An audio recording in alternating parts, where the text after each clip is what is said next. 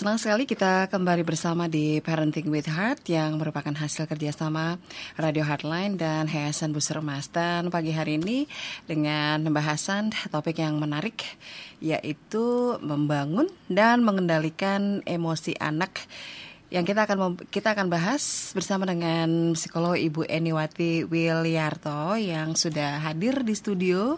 Selamat pagi Ibu Eni. Selamat pagi. Apa kabar nih Bu? Baik. Baik ya.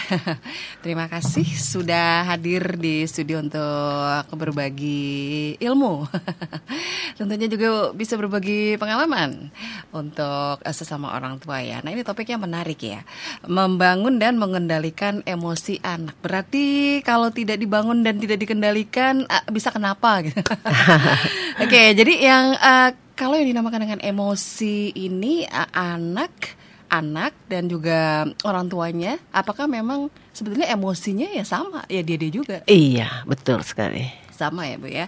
Nah uh, kebayang ya kalau kita um, kalau manusia nggak ada emosinya terus jadi aneh juga ya bu ya. Kenapa nih kita harus membangun dan mengendalikan emosi pada anak? Uh, sebelum kita masuk ke topik ini saya mau mau katakan ya kalau kita apa dapat tugas dari memimpin untuk sebuah perusahaan aja, sebuah yeah. organisasi atau sebuah proyek penting, mm -hmm. pasti kita akan menyusun visi dan misi yang tertulis dengan jelas ya, yeah. menentukan target-targetnya, mengevaluasi hasilnya, kemudian uh, ada rapat kerja yang terjadwal, uh, membuat catatan evaluasi, uh, mempersiapkan strategi komunikasi yang baik, sedetail mungkin kita kita bikin hal itu ya. Hmm. Jadi uh, apa? Untuk mempersiapkan serangkaian pelatihan.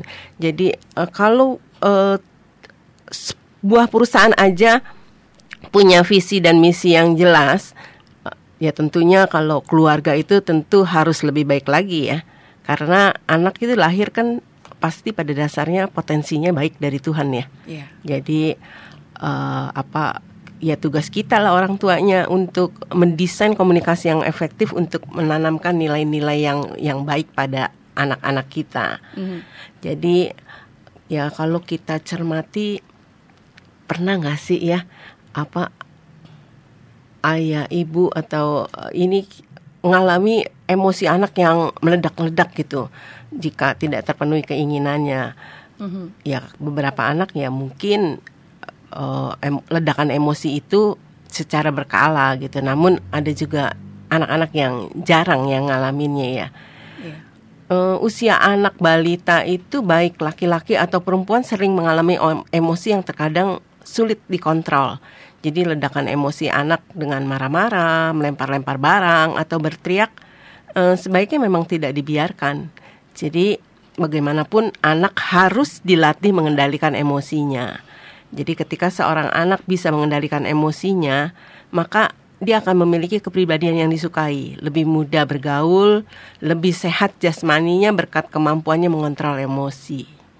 Jadi situasi yang mengecewakan bisa kita atau anak kita alami kapan saja yang seperti tadi Mbak bilang bahwa ya soal emosi itu ya memang nggak ada bedanya ya mm. baik dewasa maupun anak-anak gitu.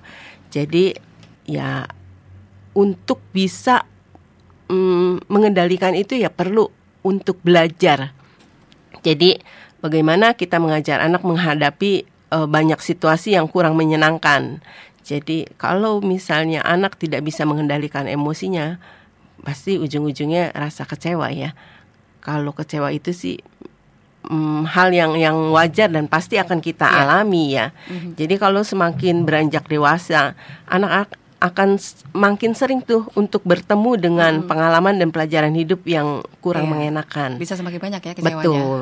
semakin berat cobaan yang harus dihadapi akan hmm. semakin merasakan apabila mereka belum sanggup mengontrol emosinya dengan positif. Hmm. Makanya saya rasa penting banget untuk untuk uh, mengangkat topik ini yeah. karena ketidakmampuan seorang anak mengontrol emosinya dapat berujung pada ya bilang kalau dibilang petaka ya petaka gitu. Jadi dari Aduh, kalau petaka denger gimana gitu. iya, karena kan akhir-akhir ini juga banyak kita dengar ya iya. uh, tentang tawuran, mm -mm. terus uh, pengasuh yang membunuh anak yang diasuhnya, orang tua yang membunuh anaknya, Mm-mm. suami yang membunuh istrinya atau sebaliknya. Kemudian ada kasus bunuh diri bisa jadi berawal dari satu hal tidak mampu mengelola atau mengontrol emosi dengan baik. Betul. Jadi setiap anak perlu diajari mengenal emosi sejak dini. Karena dengan mengenal emosi sendiri, anak pun bisa lebih berempati dengan orang lain. Mhm. Ya.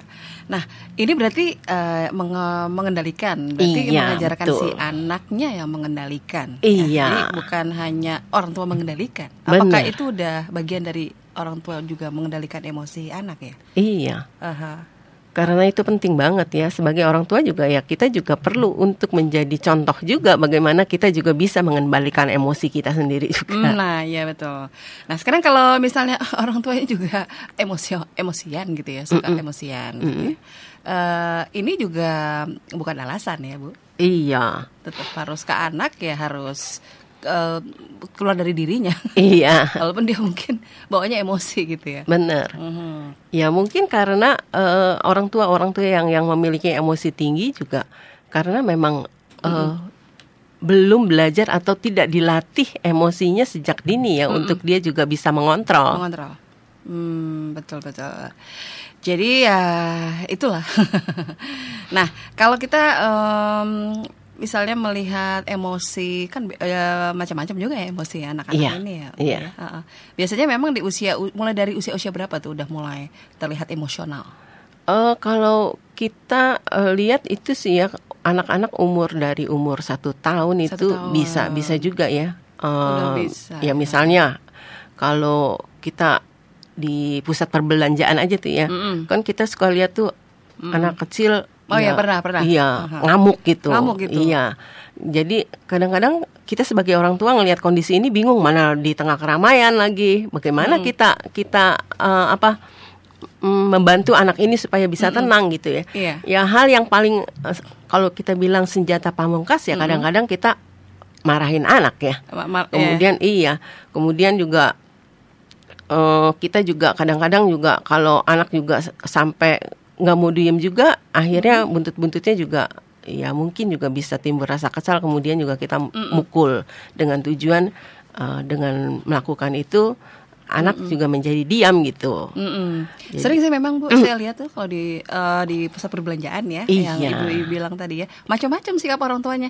Ada yang memang kebawa juga karena udah nggak sabar, terus ada yang eh, sabar gitu. Iya. Heeh. Sebenarnya sih kalau kalau misalnya kita menemukan kondisi ini ya anak kan kalau dia belum mungkin dia juga belum bisa eh, mengungkapkan apa yang dia mau gitu betul. ya. Ketika dia menginginkan sesuatu dan kemudian juga dia tidak bisa eh, mengungkapkan itu ya buntut-buntutnya akhirnya juga jadi eh, marah ya seperti marah, itu ya jadi ngamuk gitu. Heeh. Nangis. gitu. Iya. Jadi eh, bagaimana sih kita untuk eh, mengendalikan emosi anak-anak ketika dia juga dalam keadaan seperti ini. Mm-mm. Jadi ya usahakan juga kita supaya kita juga tenang gitu untuk eh, jangan sampai ya sebagai orang tua juga kita tersulut emosi yang sama. Benar. Jadi kebayang ya kalau di keramaian gitu ya bu. Iya. ada pemandangan antara orang tua ada lagi ini ngurusin anaknya lagi ngambek-ngambek gitu ya seru ya. Jadi memang anak-anak anak yang tiba-tiba marah itu bisa bisa menyulut juga emosi orang Betul sekali. Hmm, orang tua ya bu ya. Iya. Jadi sikap si- eh, sikap tenang ini ya sus, eh, susah untuk yang mungkin gak bisa tenang. mungkin kalau tiba-tiba sabar nih eh, bisa ya bu ya. Jadi eh, memang kita harus tahu lah gitu ya cara-caranya ya bu ya, me- Iya. meredakan kemarahan anak ini ya bu. Betul. Ya. Mm-mm. Sebenarnya kalau sikap tenang itu eh, ya dibilang sulit ya ini ya kembali lagi soal pengendalian diri sih. Iya. Kuncinya kan itu ya. Mm-mm. Jadi eh, ya kalau pengendalian diri ini juga merupakan keterampilan ya. Mm-mm. Jadi ya sejak kecil gitu ya Sejak kecil. usahakan untuk eh, kita menolong anak pengendalian dirinya supaya baik itu dilakukan ya dalam masa-masa orang bilang ya golden age ya Golden di age, bawah ya. usia tiga tahun Iya. itu benar-benar Mm-mm. anak diajarkan untuk dia juga mengendalikan dirinya dengan baik.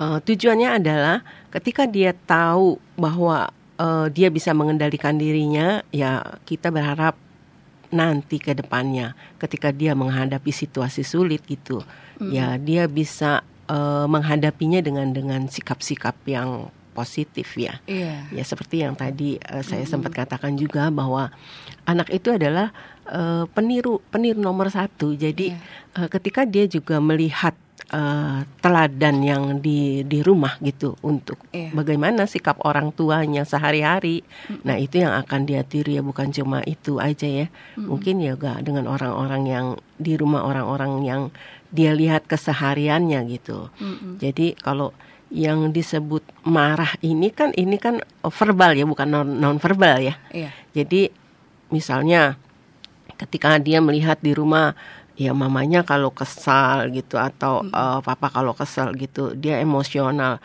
berteriak kemudian marah-marah kemudian hmm. ya kadang-kadang juga uh, bertindak kasar gitu hmm. maka anak akan terkena dampaknya sehingga mereka akan mengikuti apa yang orang tua lakukan. Hmm. Nah kalau misalnya kejadiannya marah-marahnya di di tempat umum gimana nih caranya ya? Langsung aja diselesaikan di situ atau bagaimana? Apa diajak? diajak? Uh, kalau anak-anak yang memang uh, di tempat umum gitu ya sebaiknya ya seperti tadi kita tenangkan diri dulu, okay. kemudian uh-huh. ya kita uh, anak ini kita mungkin kita rangkul ya untuk menenangkan rangkul. dia ya. Uh-huh. Ya kita ajak ke ke tempat yang agak sepi ya supaya uh-huh. itu juga nggak menarik perhatian orang, ya. orang. ya. Iya. Ya supaya kemudian kita ajak uh, bicara. Mm-hmm. Tanyakan apa sih yang membuat dia merasa seperti itu? Mungkin ada perasaan-perasaan yang nggak enak yang kita nggak tahu ya. Itu yang yang kita ini coba tenangkan anak sih. Mm-hmm. Yang pasti juga ada cara-caranya ya bu ya yeah. untuk mengajarkan anak nih mengontrol emosi. Ya kalau mengenai kontrol diri ya, mm-hmm. uh, kan nggak semua keinginan terpenuhi dalam hmm. dalam setiap waktu ketika yeah. anak minta gitu ya. Uh, langsung. Misalnya waktu dia uh, merengek minta es krim es gitu. Krim, iya, ya kita katakan Kok yang ya, di, yang di otak kita sama ya, Bu, ya? es krim. itu karena memang makanan kesukaan anak kan ya. Saya juga. Iya. Oke. Okay. Iya, ajar anak untuk bersabar karena kan uh, ketika dia minta es krim nggak mungkin es krim yeah. itu tiba-tiba ada kan Betul. ya. Ya, uh. kita minta dia bersabar karena ya kita bilang Oke nak, ini uh, es krim ini kan mesti mesti dibeli dulu Beli gitu ya. Iya. Uh, jadi uh, apa kita katakan bahwa dia juga untuk uh, mencoba bersabar mm -mm. untuk mendapatkan apa yang diinginkannya iya, gitu. Itu salah satu kontrol diri yang mm -mm. yang paling awal yang bisa kita kita lakukan ya. Iya. Kemudian dari anak usia satu tahun, mm -mm. kita juga bisa memotivasi uh, dia untuk diri sendiri. Misalnya ketika dia uh, menghadapi kesulitan gitu. Uh, contohnya nih, waktu uh, kadang-kadang kan anak-anak yang baru belajar jalan gitu, kemudian terjatuh, yeah. reaksi kita kadang-kadang kita yang yang orang tua suka heboh gitu ya, heboh, ya. Yeah. Ya kita coba aja kita juga tenang, kemudian mm uh, kita katakan ayo bangun, bangun lagi. Dengan begitu anak berusaha bangkit kan tanpa yeah. biasanya kalau memang tidak sakit banget dia juga nggak akan menangis gitu. Nangis, yeah. Jadi usahakan bahwa kita nggak langsung menolong kemudian uh, karena kalau kita langsung menolong ya cenderung anak akan nangis gitu. karena dia yakin uh, ya ibunya ini akan akan uh, menolong dia dan dan benar-benar memprotek gitu. Yeah. Jadi uh, kita juga bisa mengajarkan anak uh, dalam memotivasi diri sendiri itu belajar bertanggung jawab. Jadi ketika anak selesai main, selesai makan, uh, ya kita arahkan untuk dia juga membereskan mainan-mainan yang bekas dia perbaik, uh, dia mainkan karena kan uh, biasanya kalau sekarang orang tua orang tua yang bekerja biasa anak juga diasuh oleh baby sister ya hmm, dan biasa atau, iya sih atau simba. simba dan biasanya kecenderungan kita adalah yang melakukan itu kemudian beres-beres itu biasanya kita alihkan tanggung jawabnya kepada uh, pihak lain gitu nah, Betul. nah ini tidak melatih anak untuk dia juga menjadi mandiri mm -mm. jadi uh, memberi kesempatan mencoba dan mengajarkan kemandiri pendirian itu juga salah satu hal yang penting. Yeah. Jadi uh, beri dia untuk melakukan sesuatu sendiri. Jadi jika ya gagal ya dorong lagi balita kita untuk dia juga mencoba kembali. Mhm. Kalau misalnya untuk mainan-mainan dibereskan gitu, berarti juga si orang tua, ibunya atau bapaknya itu mencontohkan ya, Iya, mencontohkan juga gitu kan Betul. ya, supaya dia tiru, dia bisa lakukan gitu. Jadi nggak nggak dibiarin gitu. iya karena ya itu salah satu salah satu kelemahan saya sendiri juga yang saya alami di rumah ya.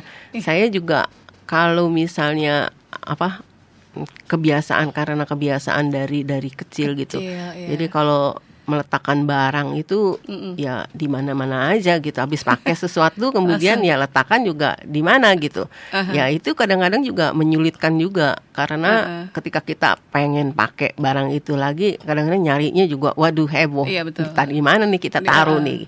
Ya karena itu memang tidak dilatih dari kecil sih. Mhm. Jadi ya ya memang perlu kita tirukan gitu ya. Caranya Iya. gimana pindahinnya taruh di mana, simpen di mana. Kita nah saya masih bersama dengan Ibu Eniwati Wilyarto, psikolog dari Yayasan Busur Emas untuk membahas membangun dan mengendalikan emosi anak. Jadi perlu diba- perlu dibangun dan perlu dikendalikan.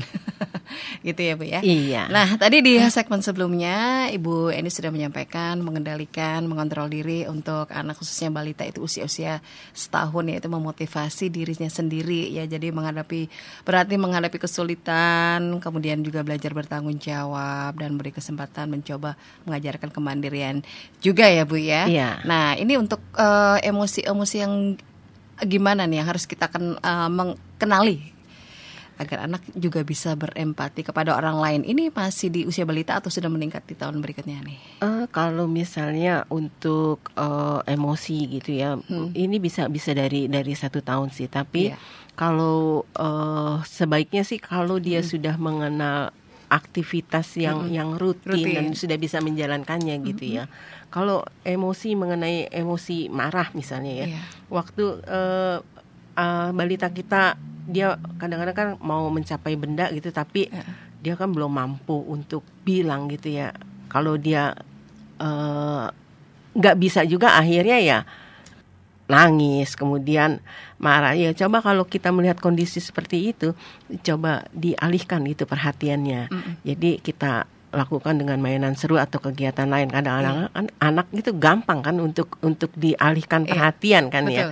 ya bisa juga diperkenalkan juga untuk anak-anak yang sudah menginjak usia 2 tahun ini metode time out jadi Time out. Iya, berikan waktu untuk si uh, kecil kita itu untuk dia juga bisa menenangkan diri. Iya, nggak usah pakai peluit ya, Bu ya. Iya.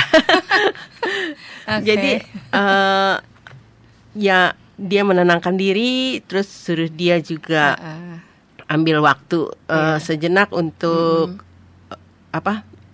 berdiam diri juga. Iya. Ya kita juga bisa bisa katakan bahwa berteriak atau eh, menangis itu nggak akan menyelesaikan masalah. Jadi kita juga bisa tinggalkan anak sejenak gitu.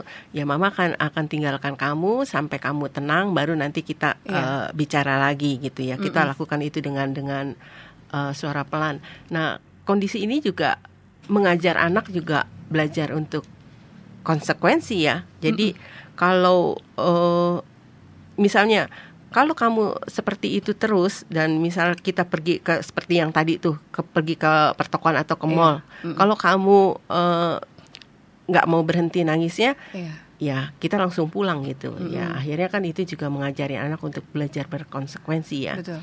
Dan banyak hal-hal yang yang per- bisa kita ajarkan mengenai emosi sih. Iya. Kalau anak-anak kan eh, dia juga nggak tahu kan artinya marah atau artinya eh, kesal Oh, seperti kesal, apa heeh. gitu. Ya kita bisa melalui eh, kayak sekarang kan banyak eh, gambar-gambar yang bisa mencerminkan perasaan-perasaan seperti itu ya. Iya. Oh kalau yang kayak gini ini namanya ya marah misalnya. Kalau yang seperti ini eh, Sedih. Iya sedih gitu. Kalau misalnya kita eh, lihat dia sedang kesal ter- terhadap sesuatu, ya mungkin yang kita kita bisa pancing gitu. Iya. Oh kamu sedang sedang merasa nggak enak ya karena ini gitu. Iya. Apakah itu bisa mama bantu? Kalau kita itu berulang-ulang kita lakukan, ini juga akan memperkenalkan anak oh kalau yang seperti ini namanya marah, Marah, gitu. iya. Heeh. Kalau yang seperti ini namanya senang gitu ya. Gitu gitu yang yang harus kita lakukan berulang-ulang. Cara memperkenalkannya itu jadi nggak sekali, nggak cukup sekali ya. Iya betul. Sebenarnya di anak-anak itu ada yang namanya emosi-emosi dasar ya, Bu ya. Iya.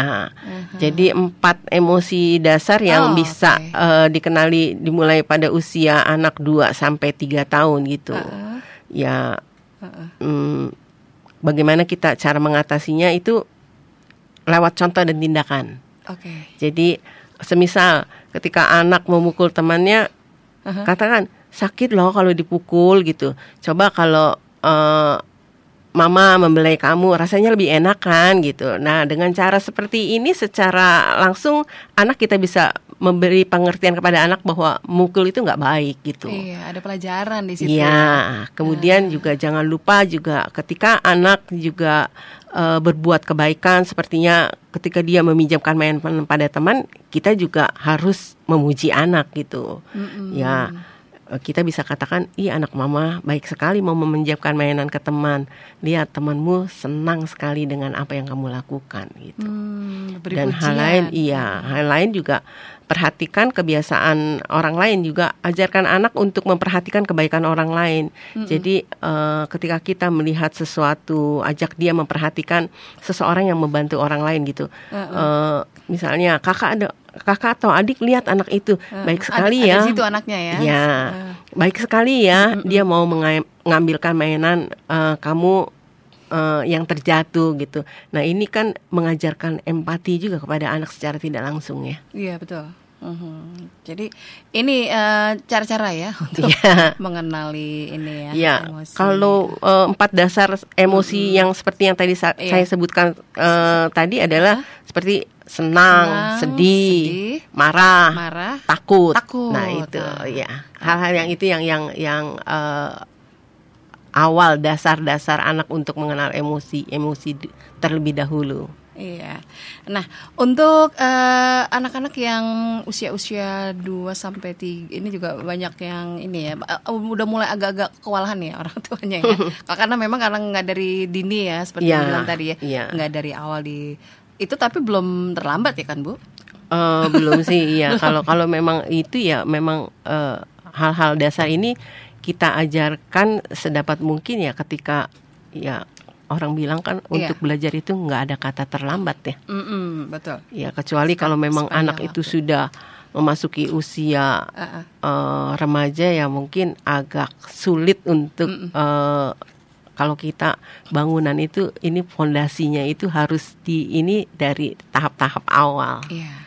Kalau si anak dia lagi diasuh sama mungkin ada yang mungkin nggak ada orang tua langsungnya yang mengasuh Mhm. mungkin ada tantenya gitu juga perlakuannya sama ya sama Sama ya ya. karena kan ya kembali lagi kepada eh, yang tadi saya bilang Iya. anak ini peniru nomor satu jadi Oh, apa yang dia iya. lihat ya itu Betul. yang yang akan dia praktekkan di dalam kehidupannya Aha.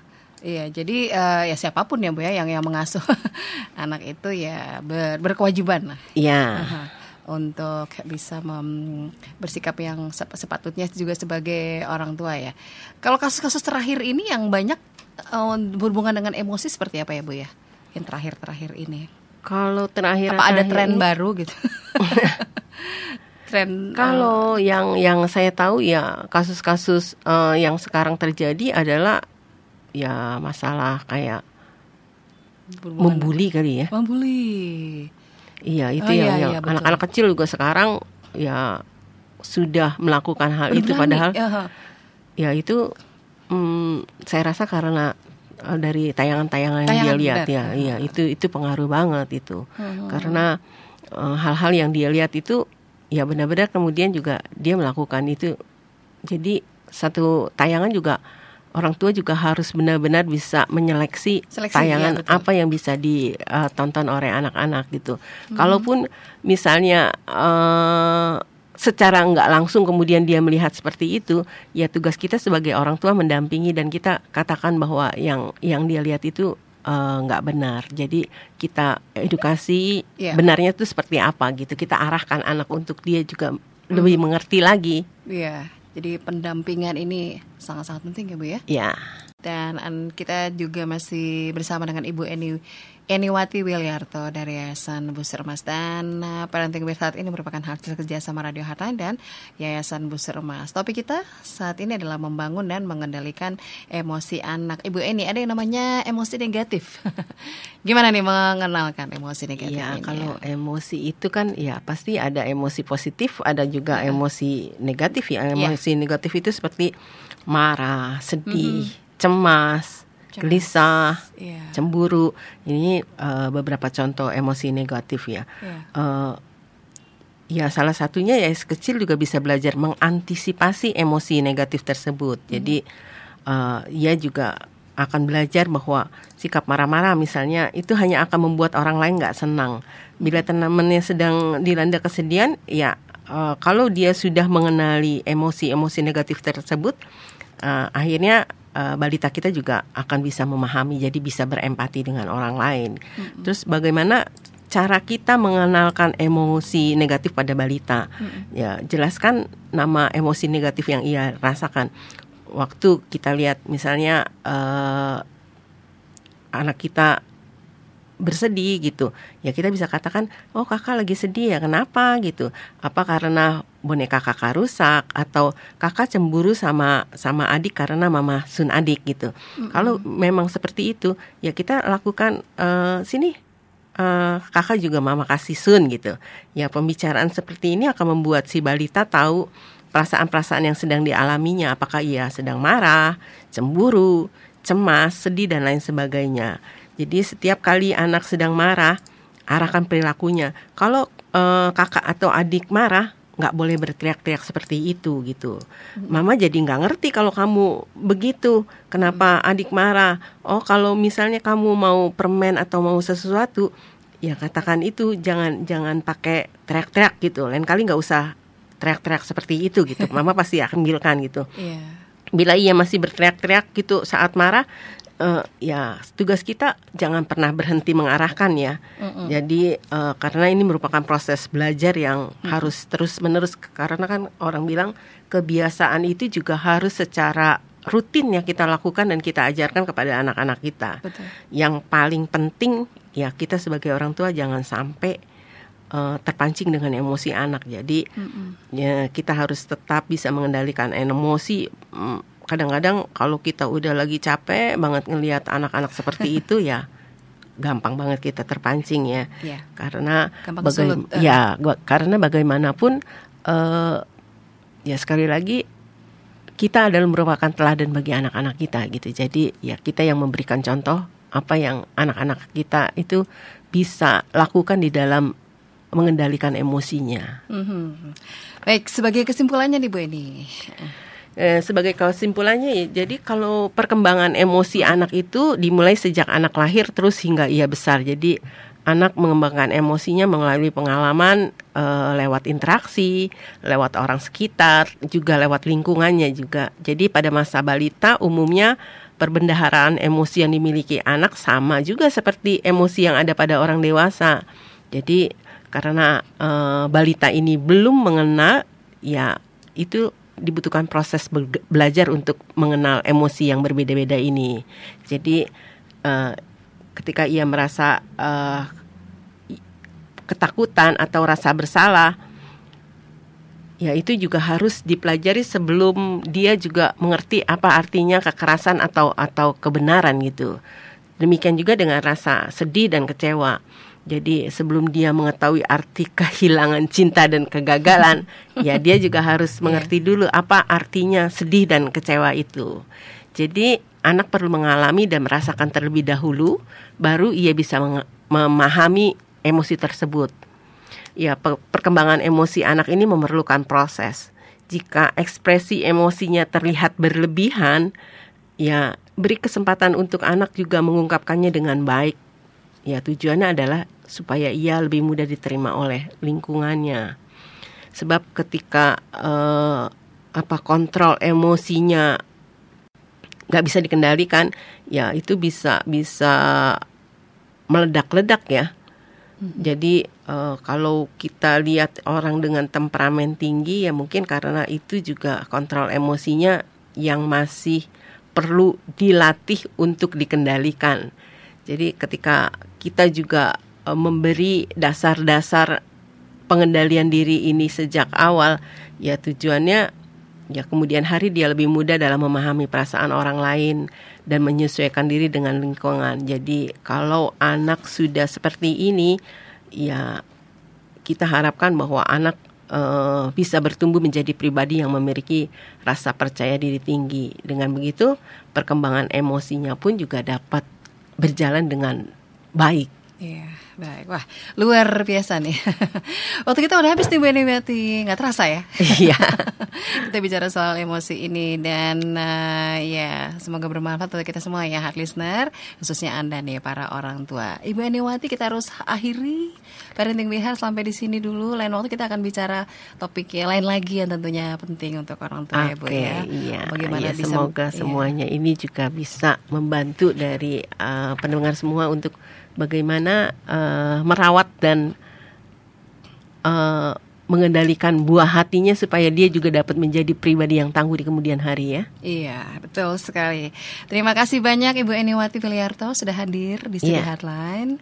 Terima kasih. Terima kasih sampai ketemu kembali nanti. Sampai ketemu di lain waktu. Saya Dila Virji. Selamat pagi.